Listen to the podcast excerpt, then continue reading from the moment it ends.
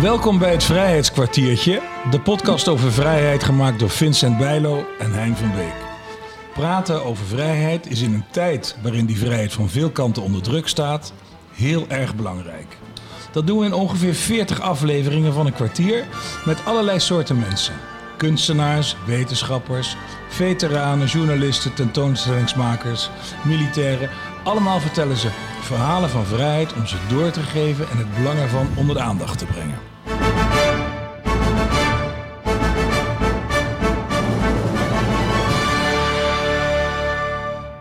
In deze aflevering spreekt Vincent Bijlo met Rick Moorman. Rick is een kledingadviseur van sterren en BN'ers. Hij ontwierp een maatpak voor veteranen. Veteranen zijn eh, militairen die op missie zijn geweest. Uh, met herkenbare details. De veteranenwereld was Rick Moorman volkomen onbekend toen hij een aantal jaar geleden van Roy Schuurmans van de stichting Veteranen Thuisfront het verzoek kreeg om een veteranentenu te ontwerpen. Roy had hem gevonden omdat hij samenwerkte met Humberto Tan. Rick ging aan de slag en ontwikkelde een concept waarmee hij langs Echo's Homes ging om te kijken of zijn idee aansloeg. Heeft daar lezingen gegeven over de impact van kleding en vooral heel veel gesprekken gevoerd met veteranen. Soms prachtige gesprekken. Rick en Vincent, aan jullie het woord. Dankjewel. Ja, Rick, ik heb jou ook gevonden uh, omdat jij, nou niet per se met uh, Humberto Tan, maar uh, wij, wij hebben elkaar gevonden in een voorstelling die heette De Lulverhalen. Sterker nog, we hebben samen een kleedkamer gedeeld. Ja, absoluut. Dat was een mooie tijd. Dat was een hele goede tijd. En sindsdien maak je ook mijn pakken. Met plezier. Dit even terzijde. Ik heb er overigens nu geen één aan. Jij hebt wel een pak van jezelf aan. Ja, ja, ja wie appel vaart, die appel eet, Vincent. Ja. um, de veteraan. Ja. Um, uh, eerst even, wat zijn Echo's Homes? Uh, zoals, uh, nou, dat moet hij ik... sprak het uit op een manier waarvan je dacht... hij weet zelf ook niet wat het is.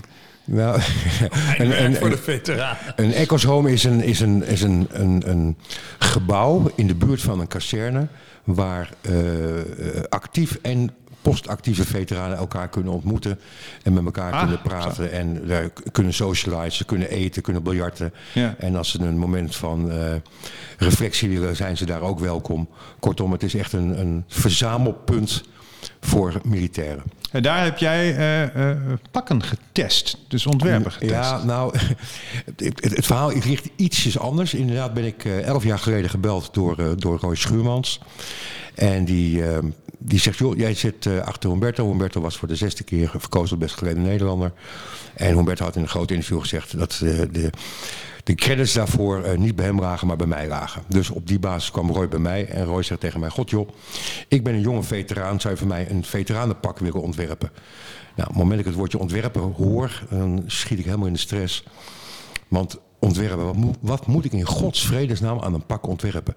Ik, Vincent, ik heb het geprobeerd, een broek met drie broekspijpen, maar ik heb goed nieuws voor je, dat werkt niet. Dus doe, maar, kan, doe maar iets verder bij je microfoon. Ik kan dus niet, ik kan niet een pak ontwerpen. En nogmaals, uh, een Colbert mm -hmm. heeft twee mouwen ja. en geen drie.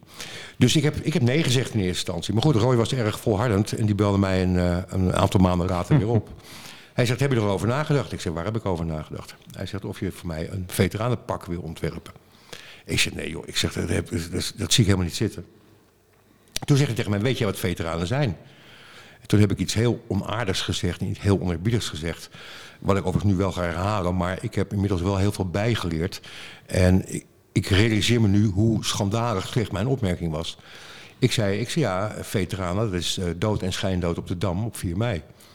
Hij zegt zo, dat is een zware uitspraak. Hij zegt, dus je weet helemaal niet wat veteranen zijn? Ik zeg, nou eigenlijk niet. Hij zegt, nou zou je dan eens niet een keer in gaan verdiepen? Toen dacht ik, auw, dat is een punt. Hij zegt, waarom kom je niet een keer naar ons toe? Toen ja. zeg ik, dat is goed. Ik zeg, waar moet ik heen? Hij zegt, we zitten in een ecozone. Ik zeg, in een wat? Nou, ik heb het je net uitgelegd. Ja. Ik zeg, oké, okay. ik zeg, ik kom naar een ecozone. Ik zeg, en waar ligt dat? We zitten in Darp. Ik, ik denk bij mezelf, Darp? Waar ligt dat in godsvredesnaam? nou, ik zal het je uitleggen, Vincent, waar het ligt. Ik, je weet, ik ben een stadskind, ik woon in Amsterdam. Ja. Ik ga ja, eerst een stukje naar het noorden. Halverwege ga ik naar rechts, dan rijd ik recht, alsmaar rechtdoor. Dan passeer ik een zootje hunnebedden. En dan kom ik het einde van de wereld, en de dondering van de kaart af. En dan rijd ik nog een stukje door en daar ligt Darp. Mijn god, wat een heel kleren en rijden is dat. Dus ik kom daar. Het En- lijkt wel een beetje een ontgroening eigenlijk. Nou, Voor mij zeker. En, en ik, ik moet je eerlijk zeggen, ik ben daar een avond geweest. En ik heb eigenlijk ontzettend veel geleerd. Ik heb eh, geleerd dat iedere veteraan, maar dan ook werkelijk iedere veteraan, er oprecht van overtuigd is dat alles wat hij of zij heeft meegemaakt, dat ze dat gedaan hebben voor mij, de burgeridioot. Ja. En ik, burgeridioot, weet dat niet. Sterker nog, eh, als ik ga praten, dan loop ik tegen een muur aan. Want die veteraan heeft wel een, probleem. Want als zij gaan praten, dan praten ze in beelden. En ik, burgeridioot, ben niet voorbereid op die beelden. Dus daar ontstaat een enorme afstand. Want aan de ene kant wil ik het wel, wil ik wel dingen horen. Maar als ze gaan vertellen, dan haak ik af. Want ik vind die beelden, die, wat ze zeggen, daar zitten hele nare dingen tussen. Ja. Vervolgens heb ik ook geleerd die avond dat al die veteranen één of meerdere missies die voor hun of voor haar heel erg belangrijk zijn geweest. Nou, ik heb die avond eh, een aantal hele nare verhalen gehoord. En toen was ik blij dat Darp zo ver weg was. Ik stapte in mijn auto en ik had eindelijk gelukkig een aantal uren om het tot mezelf, tot mezelf te komen. En op de terugweg bedacht ik eigenlijk een concept. Een pak ontwerpen, daar geloof ik niet in. Dat heb ik net al uitgelegd. Maar een concept bedenken wel. En toen dacht ik bij mezelf, als nou iedere veteraan er oprecht van overtuigd is... dat wat hij of zij heeft meegemaakt, dat ze dat gedaan hebben voor mij. En ik weet dat niet, maar als ze gaan praten, praten ze in beelden en dan haak ik af. Toen dacht ik, als ik aan iemand vraag van hoe laat is het? Dan is het proces als volgt. Dan gaat iemand zijn pols draaien. Hij gaat zijn hoofd draaien. Hij kijkt op zijn horloge. Hij neemt het tot zich. Kijkt mij weer aan. Draait zijn arm terug en geeft antwoord. Dat gebeurt in een duizend van een seconde. Maar dat is het proces. Toen dacht ik. Op het moment dat ik aan iemand vraag hoe laat is het. En diegene moment gaat door het proces heen. En hij wil antwoord geven. En ik zeg dan vervolgens. Joh, ik wil het niet meer weten. Dan heb je kans dat iemand tegen je zegt. Joh, vraag het dan niet. Nee. Dus toen dacht ik, als ik nou iets bedenk aan dat pak, waardoor de burgeridioot een vraag gaat stellen. En op basis van die vraag is die veteraan in staat om aan de hand van zijn pak, en dan uiteindelijk waar het pak voor- echt voor bedoeld is, nee, want training is communicatie of een manier van communiceren, dan kan hij aan de hand van zijn pak om zijn eigen emotie heen lopen en toch een verhaal vertellen. Dus dat heb ik gedaan. Ik heb het onderste knoopsgat oranje gemaakt. Het is een maatpak, dus die knoopjes kunnen allemaal open. Dat leg ik dan allemaal uit in zo'n in zo'n sessie. En dat onderste knoopsgat is oranje. Dus dan kom ik daar en dan zeg ik als burgeridioot... God joh, waarom is jouw knoopsgat oranje? Dan kan die veteraan zeggen, nou dat komt, ik ben veteraan. Ik heb het land gediend. Als dan vervolgens die veteraan bij zichzelf denkt... ik heb maar geen zin om aan jou te vertellen wat ik allemaal gedaan heb... dan kan hij zeggen, ja joh, het is oranje, vind ik leuk. En klaar. Ja. Maar hij kan ook zeggen, nee, ik heb het, het land gediend. En kijk joh, aan de binnenkant, dit is mijn, eh, mijn- die voering heb ik uitgekozen. Ik heb mijn voering met een Nederlandse leeuw erin, onder andere. Er zit een etiket in met eh veteranen en thuisfront. Eh, ik borduur hun naam erin en eventueel daaronder hun registratienummer. Daar kunnen ze over vertellen.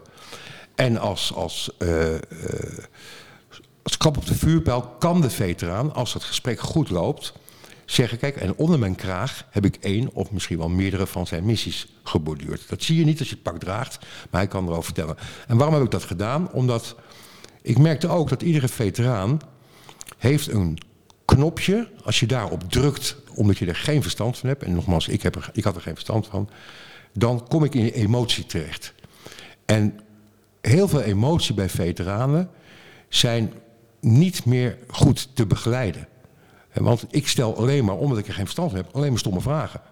En door die stomme vragen gaat die veteraan steeds meer in zijn emotie komen. En voordat ik weet is er een gesprek wat, wat voor niemand plezierig is. Dus op basis daarvan heb ik dat pak eh, bedacht met, met, de, met de toevoegingen die ik net uitgelegd heb. Toen ben ik teruggegaan en toen heb ik dat uitgelegd en toen kreeg ik de handen op elkaar. En toen uiteindelijk had ik dat gedaan voor acht veteranen. Slechts acht. Ja.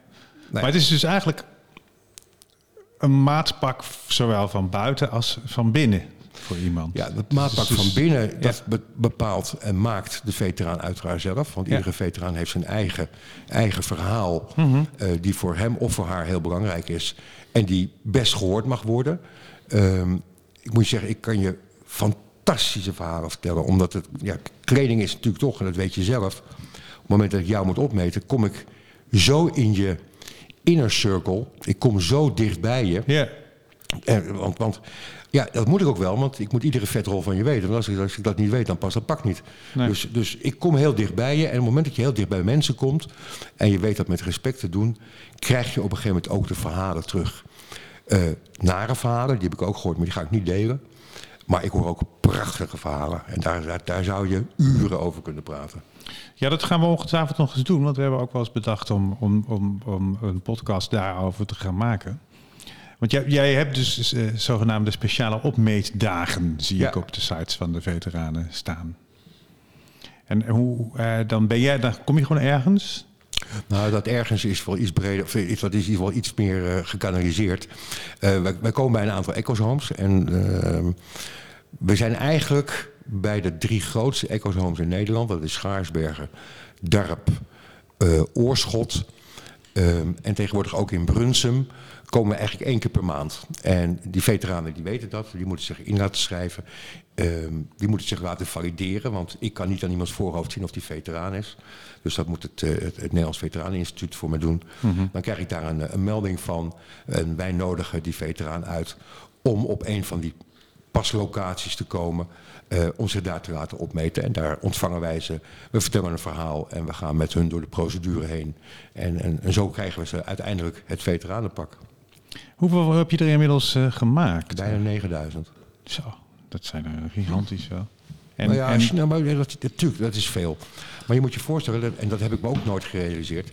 Er zijn 105.000 veteranen in ja, dit land. nee, dat is zo. en, en van die 105.000 zijn er 35.000 actief en 70.000 zijn er postactief. En dit pak, dit pak wordt gemaakt voor de postactieve veteraan. Waarom? Omdat de actieve veteraan kan nog gebruik maken van hun dagelijks tenue. En de eh, postactieve veteraan mag dat dagelijks tenue niet meer dragen. En dus moet daar een alter- alternatief voor zijn. Ja, en wat ik net al zei, ik heb het ooit gedaan voor acht mensen. En toen werd het een oliefrek. Want toen zei een groepje in Schaarsberg en een groepje in Oorschot van... God joh, ik heb gehoord dat jij een pak gemaakt hebt. En zou je dat voor ons ook willen doen? Dus het werd heel langzaam een oliefrek. Ja. En het is binnen Defensie natuurlijk heel bekend. Alles wat bedacht wordt in de top, dat wordt door de, door de organisatie heen geknald. Ehm, maar zodra het van onderaf komt, gaat het heel lang duren. Het heeft bij mij elf jaar geduurd voordat het uiteindelijk bij de top terecht kwam. En de top op enig moment zei, dit gaan we doen. En dat is in 2021 gebeurd. En die, wat heeft die top, die top heeft het toen versneld? Want je, je was er dus al heel lang mee bezig. Ja, nou, de top, in dit geval is dat, eh, was het eh, minister Bijleveld. Die zei op enig moment, ehm, ik wil eigenlijk het dagelijks tenue van de postactief eh, veteraan niet meer op het, in het straatbeeld hebben. Eh, omdat ze, ja, mensen zijn niet meer in dienst bij, eh, bij Defensie. Dus heeft Defensie ook geen zeggenschap erover. Terwijl die uniformen eh, in het straatbeeld konden opduiken. Denk even aan het Marseillais dagelijks tenue, wat lijkt op een politieuniform. En de minister zei van, wat ik heel belangrijk vind, is wel eenheid van tenue. En eh, nou, je, je zag op een gegeven moment had, had de, de, de veteraan, de oude veteraan, de grijze broek en de blauwe blazer. Dat mag overigens nog steeds. Maar die jonge veteraan wilde niet in die combinatie lopen. Dus daar zat wel een, een, een, een probleem. En dat probleem had ik onbewust min of meer opgelost. Dus dat kwam bovendrijven. En op een moment is dat voorgelegd aan de minister. En om een heel lang verhaal kort te maken. Die heeft toen gezegd, we gaan dit doen. En die wil eenheid van tenue. En dit eh, wordt het veteranen tenue voor de veteraan. Kun je een paar van die wel vrolijke verhalen die jij zo in die, in die Ja, als ze zo dichtbij zijn. Eh, eh, Ik heb prachtige verhalen. Je moet je voorstellen, ehm, die beslissing was genomen. en de veteranen werden aangeschreven dat ze zich konden aanmelden voor, voor veteranen tenue. Toen kreeg ik een mailtje van een dochter. Nou, dat begon als volgt. Geachte heer Moorman, mijn vader zou heel graag in aanmerking willen komen voor het veteranenpak. Hij ziet dat als zijn ultieme begrafenispak. Ik zeg, ai, die zag ik even niet aankomen. Uh, mijn vader is echt een slechte been. Zou u hem bij ons thuis willen opmeten? Ik denk, nou, hier ga ik niet aan beginnen. Ik denk, als ik hier aan ga beginnen, dan, voordat ik het weet, ben ik iedere avond uh, Ja. door het hele land aan het crossen voor een, voor, voor een pak. Ik denk, ga maar niet doen. Dus ik lees verder. Mijn vader is 101 jaar oud. Ik kom eraan. Ik bedoel, ja, weet je, dan verlies je natuurlijk ieder recht. En inmiddels hebben we uh, de grens gesteld op 95 jaar. Oh. Als je ouder bent dan Ja. 95 komen bij je thuis. En we zijn nog een paar keer per week zijn we op pad. Afijn, ik kom bij die man thuis. eh, in Den Haag. Ik kan nu zijn naam noemen, want hij is inmiddels eh, overleden. 101 jaar oud, meneer Maas. En er was een dochter uiteraard bij. En meneer Maas heeft, toen hij actief, veteraan, of, eh, actief, actief was, heeft hij gediend in, in, in Indië. Ja. En toen ik aan hem vroeg, wat wil je onder je kraag, dan zei hij Indië. En toen hij in Indië zat, heeft hij vriendschap gesloten met een aapje. En toen hij terug moest naar Nederland, heeft hij het aapje meegesmokkeld. En dat aapje heeft nog twintig jaar gewoond in, dat, in die woning in Den Haag. Hoe weet ik dat? Heel simpel, omdat aan de muur allemaal foto's hingen van die man in diverse tijdsmomenten met dat aapje op zijn schouder. Oh ja. Tot zover dit verhaal. Ik krijg een paar weken daarna een soortgelijke mail van een meneer uit Kolhorn. Dat ligt bij Schagen. 99 jaar. Ik kom bij die man thuis, ook een dochter erbij. En deze man was een beetje dement. Dus wij zijn het uit en op een gegeven moment zegt ze, wat wil u nu graag? En de man had hij begreep het niet. Hij kon het gewoon niet volgen. Dus wat doet die dochter? Die pakt een fotoboek. Nou, je voelt hem al aankomen. We zitten in het fotoboek te bladeren en op enig moment komt er een foto voor waar een aantal kerels bij elkaar staan. En deze man die gaat in één keer rechtop zitten en gaat heel helder uit zijn ogen kijken, al wijzende op die foto. Hij zegt, kijk, kijk, dat ben ik. Hé hey, jongeman, wat een lichaam hè. Met dat lijf kon je iedere vrouw krijgen. Ik denk, mijn god, waar gaan we naartoe? Maar de man was weer helemaal terug in zijn tijd. Ik zeg, ik zeg, maar wie zijn dat dan? Hij zegt, dat zijn mijn maten, maar die zijn al dood. Ik zeg, nou wacht eventjes. Die meneer hier met dat aapje op zijn schouder, heet hij toevallig meneer Maas? Ja, zegt hij, maar die is dood. Ik zeg, nee, die is niet dood. Daar ben ik een paar weken geleden geweest. Nou, om een lang verhaal kort te maken. eh, wat hebben we gedaan? We hebben het zo georganiseerd dat eh, iemand is die man in Kolhoorn gaan ophalen. Logisch, dat was de jongste. Hebben hem gebracht naar die meneer in Den Haag. En die twee oude bazen hebben nog een middagje de rottigheid van 80 jaar geleden besproken. Hoe mooi is dat? Tja, dat is toch wel... Waanzinnig, toch? Ja. En hoe lang duurt het voor jou zo- voor zo'n pak klaar is? Hè? Ehm, wij communiceren eh, vijf weken. En eh, in de regel is dat iets, ietsjes korter. Maar wij, wij verrassen de mensen graag positief. Dus eh, dan zeggen we vijf weken en als het dan vier weken wordt, is iedereen blij. Maar ben je ook wel eens te laat gekomen? Als het over pakken maken gaat, niet. Nee. Nee. nee, we hebben het dusdanig denk ik onder de knie. En het heeft bij ons ook wel een prioriteit. Want wij realiseren ons dat ehm, er zijn heel veel gevoeligheden rond het veteranenpak. Ehm, dat begint al bij die veteraan zelf. Want op het moment dat hij zijn missie moet benoemen, gaat hij ook in gedachten terug naar zijn missie. Dan weet je nogmaals nooit welke emotieknop je aanraakt. Eh, ze krijgen ook een aanvullend pakket en daar ook, zit ook bij een baret. Nou, die baret lever ik niet, om het simpele feit dat daar ook te veel emoties bij zit. Want die baret is samengesteld uit, een, uit de baret zelf, een, een, een, een stukje stof van in een bepaalde kleur en erop een metaal wapenschildje. En als daar een fout in gemaakt wordt, dan is de eh, emotionele pijn niet te overzien. Dus daar begin ik gewoon niet aan. Nogmaals, ik heb verstand van pakken en niet van, van emblemen. Ja, precies. Ja. Ehm, ik vind ook dat, zeker naar een veteraan toe... Eigenlijk in het algemeen, maar goed, bij een veteraan is het misschien al wel extra, extra bijzonder en extra noodzakelijk. Alles wat je tegen ze zegt, moet je waarmaken. En ehm, daar houden we ons aan. En daar Ja. stoppen we heel veel tijd en energie in. Hein, jij bent zelf ook betrokken bij eh, eh, veteranen, toch? Ja, ik eh, doe de communicatie voor de veteranenbegraafplaats in Loenen. En dan ook het aanpalende eh, herdenkings- en educatiecentrum... wat eh, samen van de NVBL is en eh, de- de- het Ereveld Loenen. Ik heb En waar een mooie tentoonstelling is over veteranen en over missies. Dus ik heb niet eens zozeer een vraag. Ik heb eigenlijk ook een soort oproep als mensen geïnteresseerd zijn. Hè, het leven van de veteraan, wat ze hebben meegemaakt. Is daar echt een hele bijzondere eh, tentoonstelling. En met twee bijzondere begraafplaatsen. Waar het, wat, wat zo verschrikkelijk mooi midden in de natuur is. het is Eh, daar prachtig. Ik ben één ja, ga daar kijken. Je, wordt- je wordt er stil van. Het is ik heb prachtig. er zelfs iets mee te maken gehad. Dat eh, eh, zo af en toe ehm, worden wij, en dat zijn natuurlijk altijd hele nare momenten, ehm, gebeld of gemaild door, of door, door nabestaanden of door het NLVI of door uh, krijgsmansonderleven. Dat een veteraan is overleden. En dat eigenlijk de wens van de veteraan of van zijn nabestaanden is dat hij toch alsnog in het veteranenpak begraven kan worden. En of ik daar dan toch nog iets voor kan doen. Ja. Eh, ik hoef jou niet uit te leggen. Dat, Nee. dat is een enorme druk die erop zit. Ja, een paar dagen moet je En, het hebben. precies. Nou, en, en ik kan je één verhaal vertellen dat het gelukt is.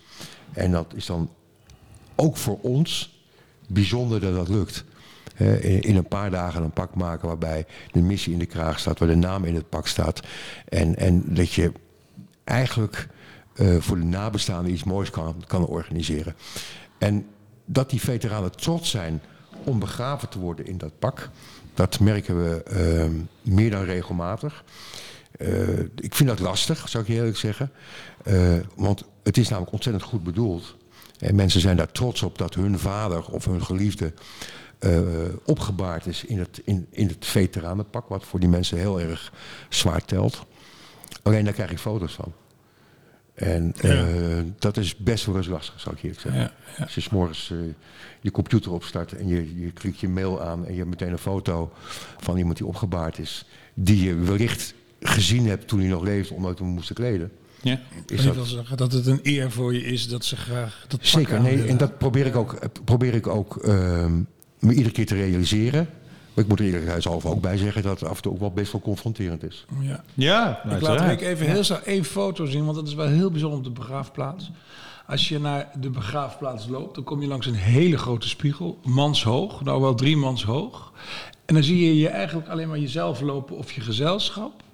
En dan staat er met hele grote letters, zo zien mensen eruit die in vrede leven. Oh ja. En als we dat maar eens even goed in onze oren knopen met z'n allen. Zeker. En, en ik was heel oneerbiedig elf jaar geleden hè, met mijn nare opmerking. Ehm, ik ben nu elf jaar verder. En ik heb een waanzinnig respect voor, de, voor de, de jongens en de meiden, ongeacht hun leeftijd. Wat ze voor mij, burgeridioot, eh, gedaan hebben. En hoe ze daarmee omgaan en hoe ze mee in het leven staan. Ik vind het echt prachtig. Ik vind het echt waanzinnig. En dan een laatste voorbeeld te mogen geven, Vincent. Eh, op een van die pasdagen, of pasavonden zijn het in de regel. eh, mijn zoon werkt ook in het bedrijf, dat is een jonge knul. Eh, die gaat dan mee. En mijn zoon is zo dyslectisch als een deur. Is dat erg? Nee, is helemaal niet erg. En hij zit er ook niet mee. Maar op een gegeven moment is hij met een oudere veteraan, een halverwege, jaren, halverwege 80, in gesprek. En er moet een missie in zijn kraag gemaakt worden. En de man zegt, zet er maar in Papua Nieuw-Guinea. Waarop mijn zoon zegt, hoe schrijf je dat? Ja. Waarop die man zegt, ik heb geen flauw idee, ik ben dyslectisch. Nou zegt mijn zoon, nou zegt mijn zoon ja, dat, dan hebben we wel een probleem, want ik ben ook dyslectisch. Maar nu komt het mooie. Wat doet mijn zoon? Die pakt zijn laptop en hij zit met iemand van 80 plus in een hoekje te googelen hoe ze het woordje Papua Nieuw-Guinea moeten schrijven. Maar naast het gedurende dat zoeken komen die twee ook met elkaar in gesprek. En later zat ik in de auto met mijn zoon en hij zat vol trots verhalen te vertellen wat deze man aan hem verteld had. Toen dacht ik, hoe mooi is dat, dat die generatie, eh, van links of van rechts bekijkende, open staat voor de verhalen van de andere generatie. Ja. Dat deed mij heel veel deugd en plezier. ja, dus eigenlijk verbindt, maar dat is eigenlijk ook waarmee we begonnen. Het pak verbindt, het opent, het Ja. maakt mensen bewust van wie ze zijn, wat ze gedaan hebben en voor wie ze dat gedaan hebben. Dus het pak verbindt ook eh, generaties. Nou ja, wij noemen het eigenlijk, in het concept heb ik het genoemd, het is eh, erkenning door herkenning. En herkenning is dat oranje knoopsgat. Ja, Dat is herkenning en dan ga je praten en dan komt er erkenning. Althans, dat hopen we dan. Rick, mag ik je erg bedanken. Graag gedaan. En eh, ik Bijzonder om dat hier te nog- mogen zijn. Ja, mooi dat je er was. En ik hoop dat je nog heel veel pakken zult maken. We gaan ervoor. Niet alleen voor mij, maar ook voor de veteranen. Dankjewel, Vincent. Dank je. Dit was het eh, Vrijheidskwartiertje gemaakt door Hein van Beek en Vincent Bijlo. Muziek Kilian van Rooij. Deze podcast is mede mogelijk gemaakt door een bijdrage van het V-Fonds, Stichting Nationaal Fonds voor Vrede, Vrijheid en Veteranenzorg, de provincie Gelderland, Stichting Vrienden van Boei, Stichting Nationaal Erfgoed Hotel de Wereld en Hotel de Wereld zelf. Mocht je dit een interessante podcast vinden, deel hem vooral, geef reviews en geef sterren.